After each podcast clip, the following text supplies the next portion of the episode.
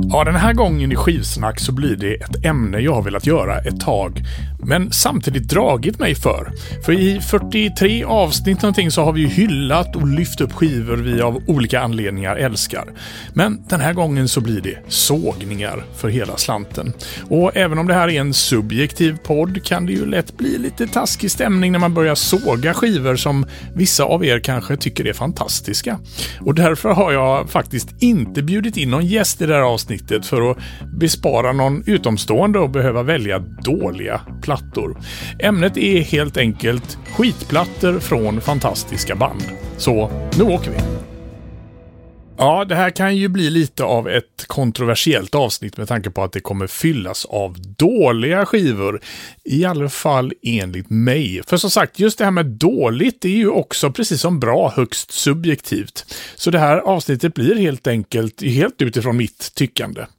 Men förhoppningsvis kan det också få dig som lyssnar att fundera om du har några sådana skivor, ett band eller en artist som har en för övrigt fantastisk diskografi, men så finns den där lilla bajskorven som de eller hon eller han av någon anledning spottat ur sig. Och som man då frågar sig, vad hände där? Och ja, jag fattar säkert att många av er säkert tycker skivorna jag kommer välja idag är bra. Och så får det vara. Ta inte det här så allvarligt, det är ju trots allt bara musik. Vi kör! Mitt första val, det är svenskt. Och med ett band som väl är lite av en helig ko får man väl säga, för det är sällan man hör kritik mot det här bandet. Och det är kanske inte så konstigt, de är ju fantastiska. Så gott som samtliga skivor är ju skitbra. Jag pratar om ABBA. Och ABBA kom in ganska sent i mitt liv. Eller alltså jag visste ju vilka de var såklart redan som barn på 70-talet, fast det var liksom musik som syrran och hennes kompisar gillade. För jag och mina kompisar, vi gillade Kiss. Så det var först långt upp i vuxen ålder som jag började gilla ABBA. Och då blev jag i och för sig riktigt eh, dunderfan och köpte allt. Men så var det ju det här med bandets två första skivor. Och framförallt debuten Ring Ring som kom i mars 1973. Okej, okay, man kanske inte ens kan kalla det en ABBA-skiva eftersom den släpptes ju under namnet Björn Benny, Agneta och Frida. Men det är ju i allt väsentligt en ABBA-skiva i alla hänseenden utan just själva namnet då kanske. Eller nej, det är ju då inte en ABBA-skiva, inte i kvalitet. För det här är en skitdålig skiva rent ut sagt. Man har inte riktigt hittat in i, i den genialitet och det popsnickeri som skulle följa några år senare. Det var i mina öron på Arrival man första gången hittade helt rätt. Men här på Ring Ring Ja, men alltså det finns knappt bra låtar. De flesta är jäkligt töntiga, på gränsen till dansband många gånger. Eller någon slags eh, ska man kalla det, skandinavisk låtsas-country där dessutom Frida och Agneta får alldeles för lite utrymme. För här sjunger Björn Ulvaeus många av låtarna. Och något Björn Ulvaeus inte är jättebra på så är det att sjunga.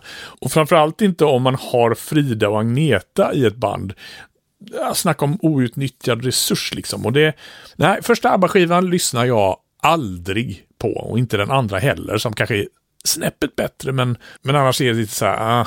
Men man får väl förlåta band för att de just kanske inte har hittat rätt på sina första skivor.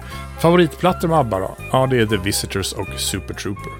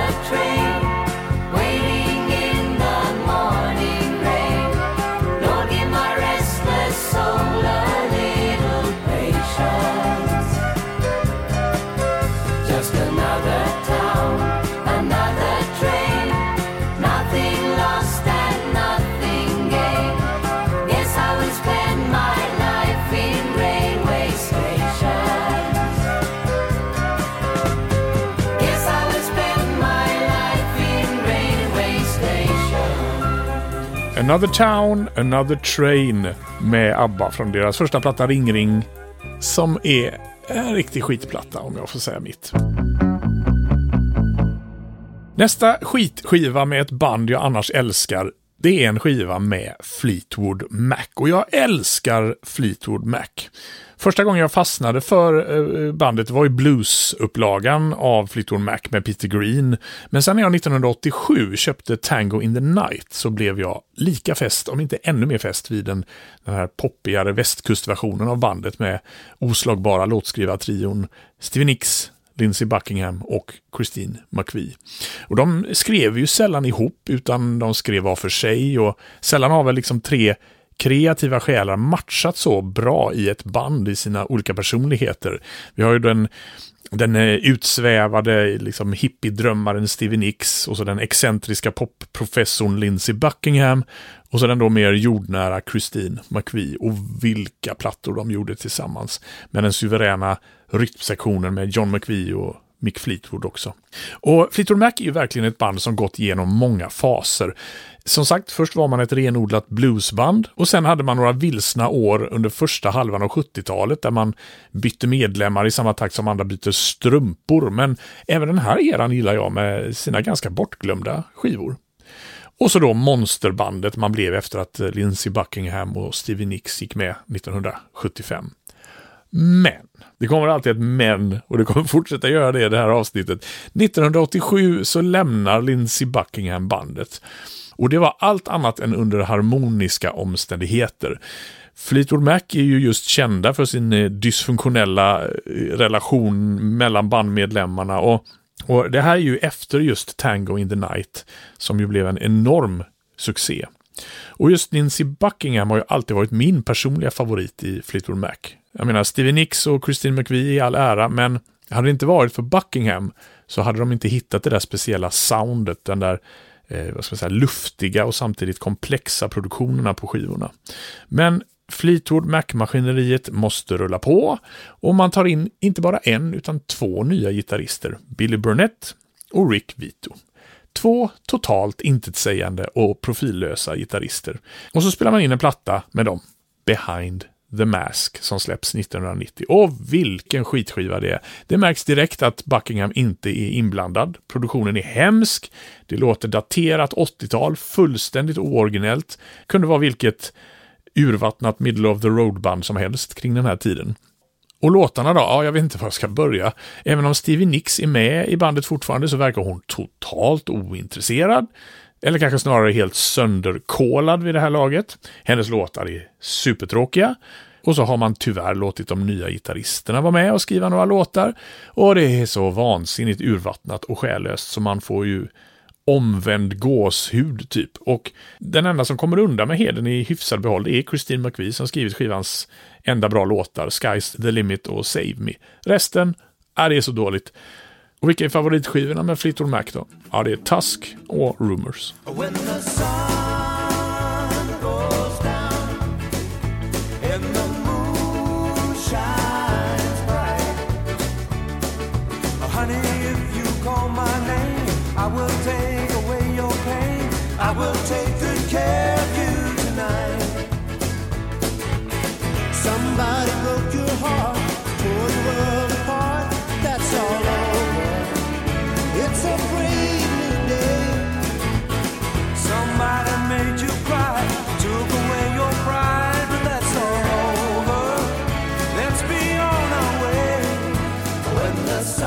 Ja, vad säger man? When the sun goes down från katastrofala Fleetwood Mac-skivan Behind the Mask från 1990. Nästa skiva, det är med ett band som kommer att omdefiniera hela heavy metal-genren. Eller kanske till och med skapa den, åtminstone imagemässigt med nitar och läder och, och också vara pionjärer i att ha två gitarrister istället för en ensam gitarrhjälte som var standard då när bandet startade i början av 70-talet. Och jag pratar såklart om Judas Priest. Fantastiska Judas Priest. Första gången jag hörde bandet, det var tack vare min kompis Pelle. Vi gick i grundskolan ihop och han gillade hårdrock. Och han introducerade mig för Dio, Iron Maiden, Accept och Judas Priest. Då tyckte jag, ja, det var väl gränsen till lite för hårt sådär. Jag gillar ju Electric Light Orchestra och sånt där vid den här tiden. Men sen så köpte jag själv skivan Turbo 1986. Och där hade ju Judas Priest försökt sig på ett mer kommersiellt sound, så det blev ju min inkörsport. Men eh, sen med åren så kommer jag att älska så gott som allt med Judas Priest. Jag tycker till och med att de här fruktansvärt utskällda skivorna de gjorde på 90-talet och början av 00-talet med Tim Ripper Owens på sång, de är rätt okej. Okay. Inga mästerverk på något sätt, men det är, det är absolut inte någon av de här skitskivorna som de ofta blir beskyllda av att vara. Eh, så som sagt, det är inte någon av de skivorna jag valt, vilket man kan tro. Nej. Judas Priest stinkbomb i mina öron. Det är skivan Nostradamus från 2008. Då var ju sångaren Rob Halford tillbaka och man hade släppt återföreningsplattan Angel of Retribution några år tidigare. Och den var, den var bra och man hoppades då att nästa skiva skulle bli ännu bättre. Det blev den inte. Nostradamus är en temaplatta, en skiva om profeten Nostradamus liv.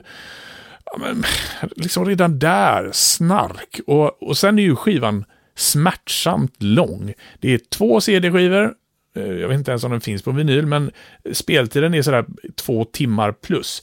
Två timmar liksom! Och sen är det precis så olidligt pretentiöst som det låter. Det är högtravande och det blir nästan skrattretande med en massa berättarröster och spoken word mellan vissa låtar. Och, och det är utdragna låtar med fåniga texter. Jag menar, Judas Priest ska göra det de är bäst på. Det är effektiv och taggig heavy metal. Man ska inte göra rockoperor om profeter på över två timmar.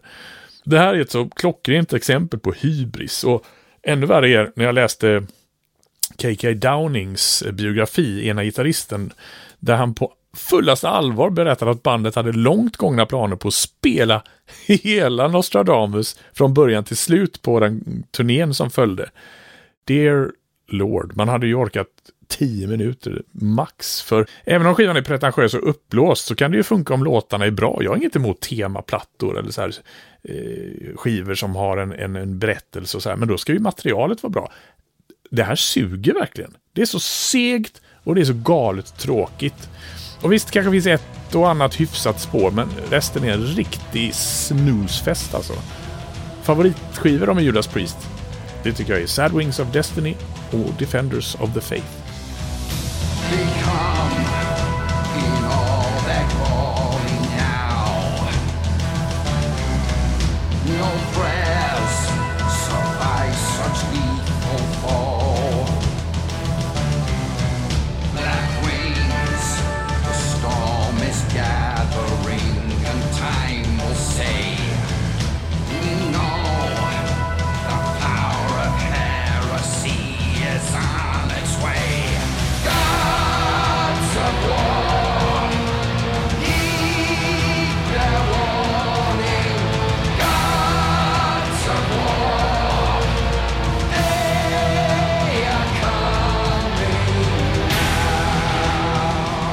Judas Priest och War från eh, skivan Nostradamus som... ja, det, jag, jag, tror nog aldrig jag kommer lyssna på den skivan eh, någonsin igen. Ja, ni som följer skivsnack vet ju säkert vid det här laget att ett av mina favoritband är Jethro Tull. Eller åtminstone det som var Jethro Tull, inte det tragiska band som fortfarande turnerar och gör skivor under bandnamnet, men som egentligen i mina ögon är frontfiguren Ian Anderson med en bunt stentråkiga hyrda kompmusiker. Gud vad gnälligt det här avsnittet är, men det får det bli. Men när Jethro Tull var på topp, och det var de i mina ögon mellan 1969 och någonstans 1987, så var de oslagbara. Oförtjänt insorterade under progressiv rock, men Jethro Tull var så mycket mer och gick igenom flera olika musikaliska faser. Det var blues, det var proggrock, det var folkmusik och elektronisk musik i, under första halvan av 80-talet. Och det är just här, den elektroniska fasen, vi ska hålla oss kvar vid. Det var 1980 som keyboards fick en större plats i Jethro Tulls sound med skivan A. Och 1982 års Broadsword and the Beast var också en, en eh, elektronisk historia, eller i alla fall en elektroniskt inspirerad historia. men hade fortfarande liksom foten kvar i det här folkmusiken och, och 70-tals Jethro Tull. Sen blev det fullständigt bananas. För 1984 så släpper bandet skivan Under Wraps. Och nu bestämmer man sig för att ta syntarna ett steg längre. Till exempel spelar man in skivan utan en trummis. För nu har ju Trummaskinen har slagit stort och det ska man testa. Men då skaffar man sig en riktig skittrummaskin. Det känns som att Ian Anderson gått in i typ första bästa musikaffär och sagt ge mig det billigaste och enklaste ni har. För det är precis så det låter. Det här är soundet av ett band som försöker haka på det tidiga 80-talets syntvåg men har noll koll på hur det ska låta. Istället blir det här en total härdsmälta. Det är ett slags skitnödigt försök till att modernisera men istället så låter det mer oinspirerat och ur fas med tiden än någonsin. För det är ett evigt blippande och bloppande och allt som var unikt med Jethro Tull är borta och ersatts av något som, vad ska man säga, nästan som en parodi på, på syntmusik, som en skämtgrupp som ska parafrasera synt.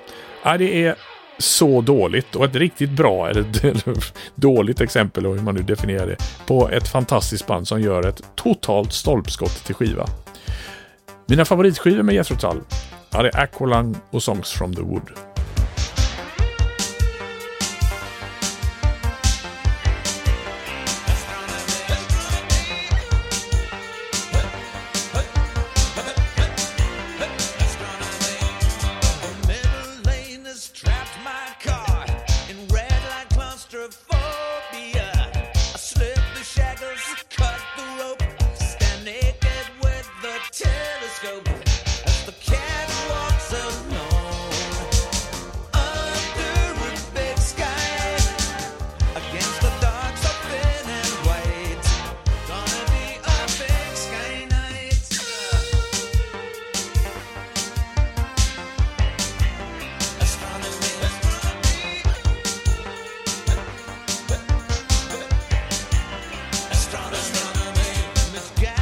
Astronomy med Jethro Tull från deras katastrofskiva Under Wraps.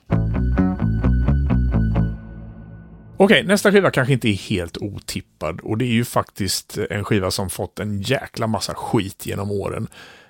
Vissa skivor får det ju oförtjänt, men här är det helt välförtjänt tycker jag.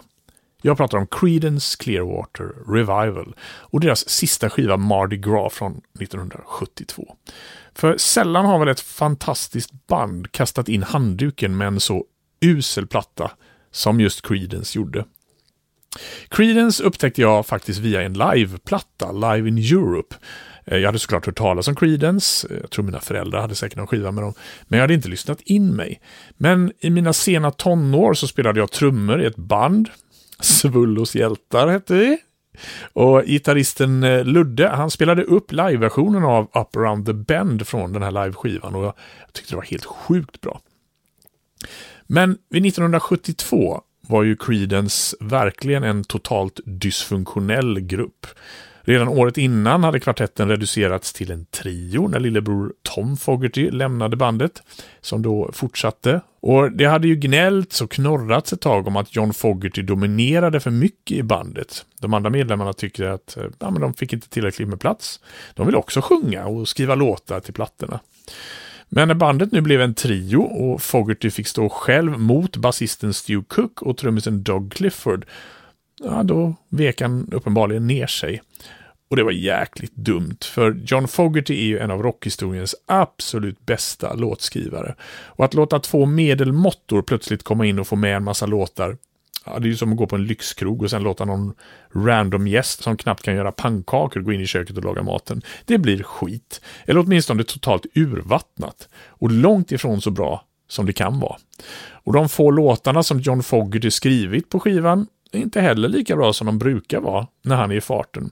Nej, detta är en skiva helt utan krydda, för att fortsätta på matliknelserna. Det är smaklöst, det är vattnigt, det är slätstruket och som sagt ett totalt ovärdigt slut på en annars så gott som felfri diskografi.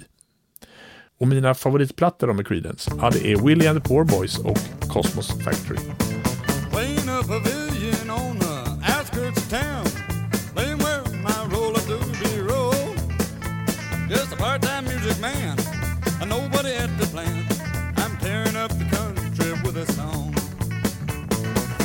Papa told me, son, you gotta go to school. Only way to make the family proud. Uh, I paid no attention, left my books at home. Rather play my music real loud. Fair enough, country with a song.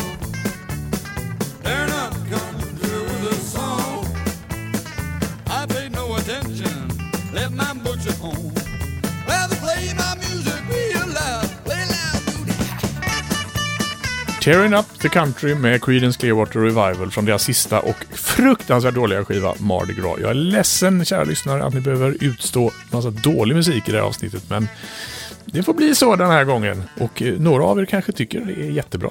Och det är ju helt fint. Då är ni säkert istället skitförbannade på mig. Ett annat band som många av er som följer skivsnack vet att jag tycker om och är, som är ett av mina absoluta favoritband, det är Fairport Convention. Det är engelska bandet som var pionjärer i att blanda traditionell engelsk folkmusik med rockens instrument.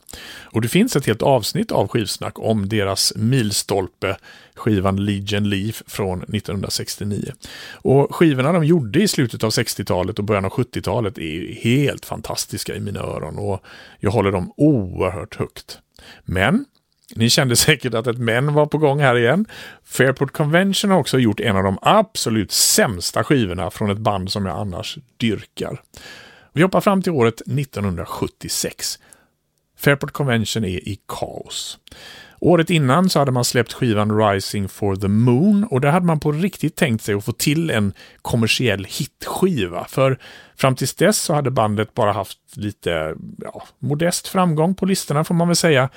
Men nu jäklar, nu skulle den stora skivan göras. Fantastiska sångerskan Sandy Denny var tillbaka i bandet efter att ha varit borta ett par år och man rekryterade superproducenten Glyn Johns som bland annat jobbat med Beatles, Rolling Stones, Led Zeppelin och massor av andra stora band. Men redan inspelningen av skivan var turbulent.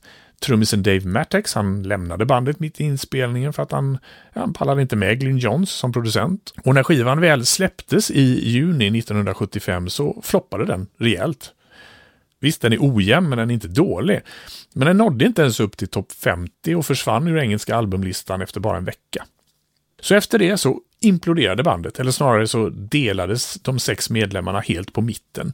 Gitarristerna Trevor Lucas och Jerry Donahue valde att hoppa av tillsammans med Sandy Denny och kvar stod violinisten och sångaren Dave Swarbrick, basisten Dave Pegg och trummisen Bruce Rowland den nya trummisen då.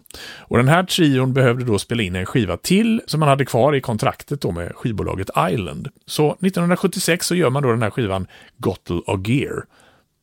Gottel och Gear, bara, bara namnet liksom. Och det är en fullständig katastrof. Tanken var ju från början att det skulle vara en soloskiva med violinisten Dave Swarbrick, men man bestämmer sig för att släppa den under gruppnamnet. Fast ändå inte.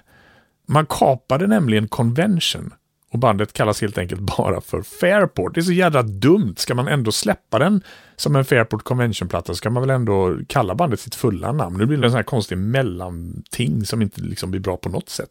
Och sen musikaliskt. Nej, det här är så galet oinspirerat och urvattnat. Det finns inget kvar av den glöd, den experimentlusta och det driv som Fairport Convention haft tidigare. Det är tröttare än tröttast. Eh, produktionen är blek och låtmaterialet är totalt värdelöst. Det känns som man inte ens har försökt anstränga sig att skriva vettigt material. Bara liksom typ få ihop en skiva som man kommer ur kontraktet med Island. För sen efter detta så gjorde man ytterligare några skapliga plattor så det blev ju bättre. Men just här 1976 och skivan Gottel och Gear det är Fairport Conventions absoluta lågvattenmärke. Mina favoriter med Fairport Convention då? Jo, det är skivorna What We Did On Our Holidays och givetvis då Leech and Leaf. No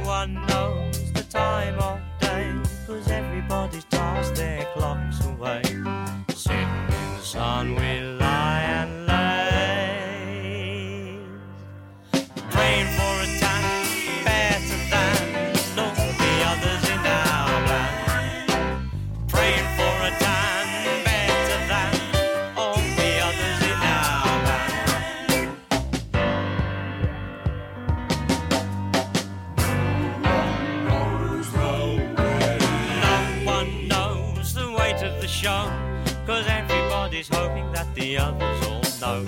Someone goes to telephone Joe. Our Band med Fairport Convention. Eller Fairport som de kallade sig här.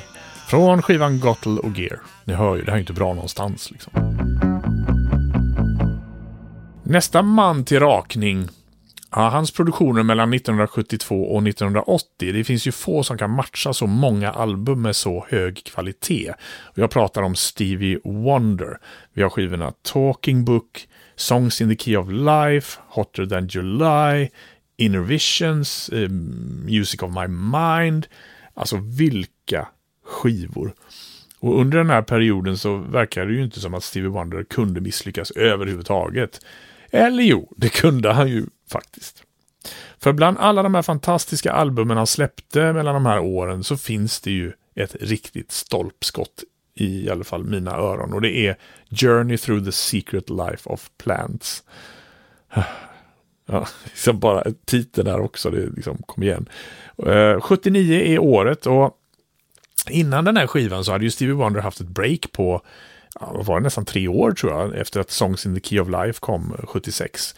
Och tre år det är ju en lång tid utan att göra ny musik på 70-talet.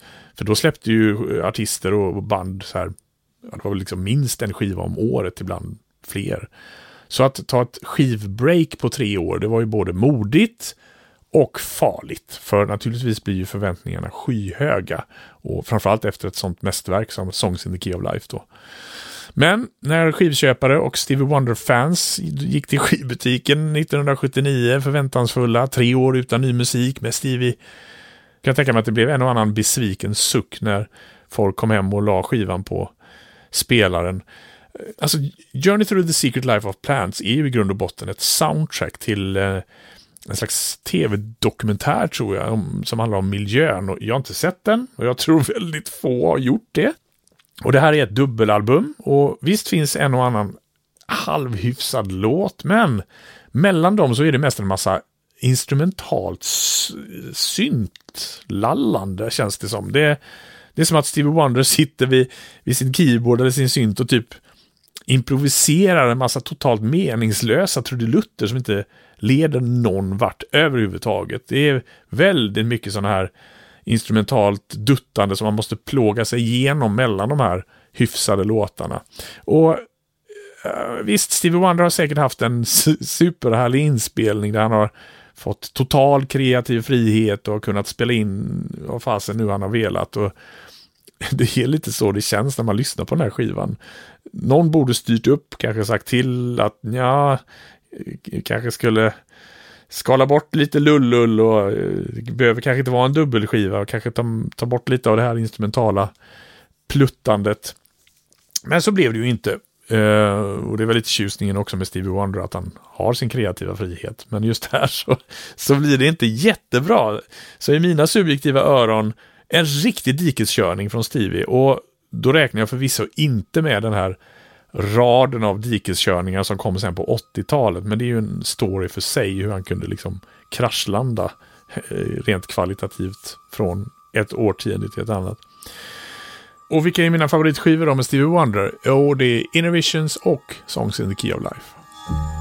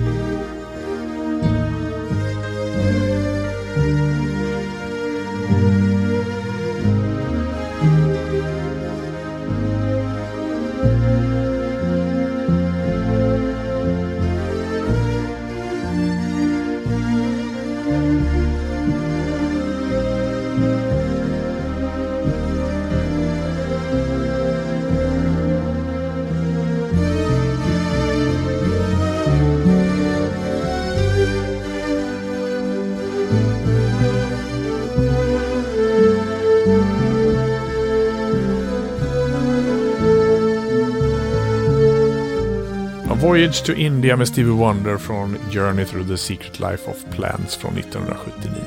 Som sagt, en riktig dikeskörning ifrån Stevie. Ja, vi tar en sista platta, sen får det, sen får det vara slut på gnället. Dire Straits. Jag har ett väldigt speciellt förhållande till Dire Straits. För 1978, när jag var åtta år, så fick jag min allra första kassettbandspelare. Det var en sån här enkel historia som också hade en radio i sig. Och för första gången i mitt liv så spelade jag in musik på ett kassettband ifrån radion. Och den allra första låten jag spelade in från radion, det var Down to the Waterline. Första låten från första skivan med Dire Straits. Kort och gott kallad Dire Straits och som hade släppts just samma år, 1978. Så den låten är, är väldigt speciell för mig. Jag kan varenda millisekund av den, för jag lyssnade ju på den om och om igen. Och tror att jag faktiskt har kvar den här kassetten någonstans. Men något fan av Dire Straits, det blev jag egentligen inte förrän långt senare. Faktiskt efter bandet hade lagt av. Någon gång i mitten på 90-talet tror jag jag började lyssna in mig på bandets skivor och framförallt bandets fyra första. Brothers in Arms, deras femte, kändes lite för sönderspelad, även om jag tyckte att den var helt okej. Okay tycker fortfarande också. Men så fanns ju den där sista plattan Dire Straits gjorde, On Every Street från 1991. Och jag kommer ihåg redan när den kom 1991, då hade jag precis fått MTV, jag hade flyttat hemifrån och tvn stod på eh, nästan liksom konstant och spelade videos från MTV. Och då körde man den här första, jag tror det var första singeln, Calling Elvis, på hög rotation. Och jag tyckte redan då det var en sån satans tråkig låt. Och sen när jag tror det var andra singeln The Bug kom så var, det, var jag ännu mindre imponerad. Det lät, det lät som ett dansband. Och där någonstans så fick jag den här förutfattade meningen att det här är en dålig skiva. Med ett band som ja, är slut helt enkelt. Och med en trött Mark Knopfler.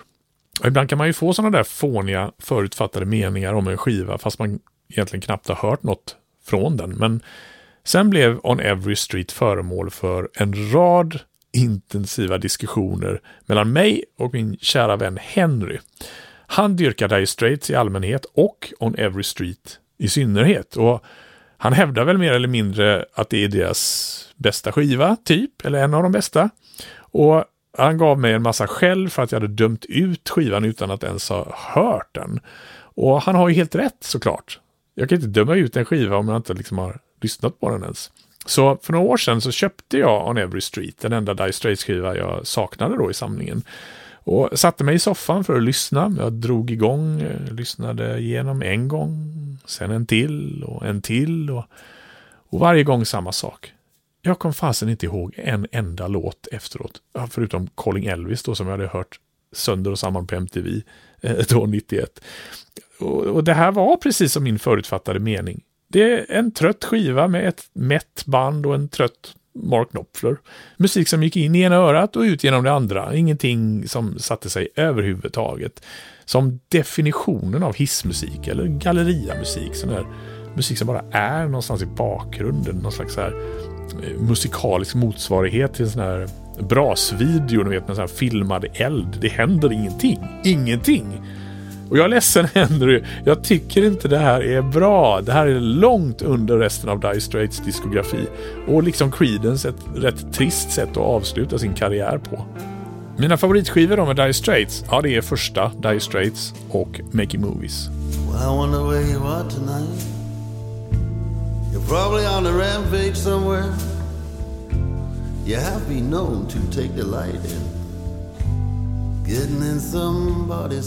And you you always had the knack fade to black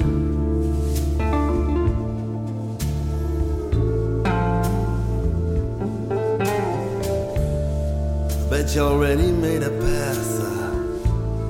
I see a darkened room somewhere. You run your finger around the rim of his glass. Run your fingers through his hair, scratch across his back. Fade to black. Fade to black med Dire Straits. Musik som går in genom ett öra och ut genom det andra. Ja, då så. Jag är ledsen om jag har eh, upprört vissa av er med det här programmet. Som ju då har handlat om skivor jag då framförallt tycker illa om med band jag älskar eller artister. Men nu sätter vi punkt. Nu är det färdigklagat och i nästa avsnitt så lovar jag att vi är tillbaka med mer bra skivor och hyllningar av album som jag och min nästa gäst faktiskt tycker om. På Skivsnacks Facebook-sida finns nu en tråd om just skivor vi hatar med band vi älskar. Gå gärna in där och skriv om albumet du inte gillar med en artist eller ett band du annars tycker om. Skivsnack finns också på Instagram och på YouTube. Och tycker du om Skivsnack och vill att podden ska fortsätta, den kostar en slant att producera och görs helt ideellt, så kan du bli en Patreon och skänka en liten struntsumma i månaden, men många bäckar små, så kan vi fortsätta att göra podden. Då går du in på patreon.com och söker på skivsnack. Där hittar du också mycket extra material på tidigare avsnitt som eh, bara finns att höra där. Vill du mot förmodan ha en spellista med det här avsnittets låtar på Spotify så hittar du den på skivsnack.com. Tack också i vanlig ordning till Taket för hjälp med grafisk form. Jag heter Stefan Sundberg. Tack för att du har lyssnat. Hej då!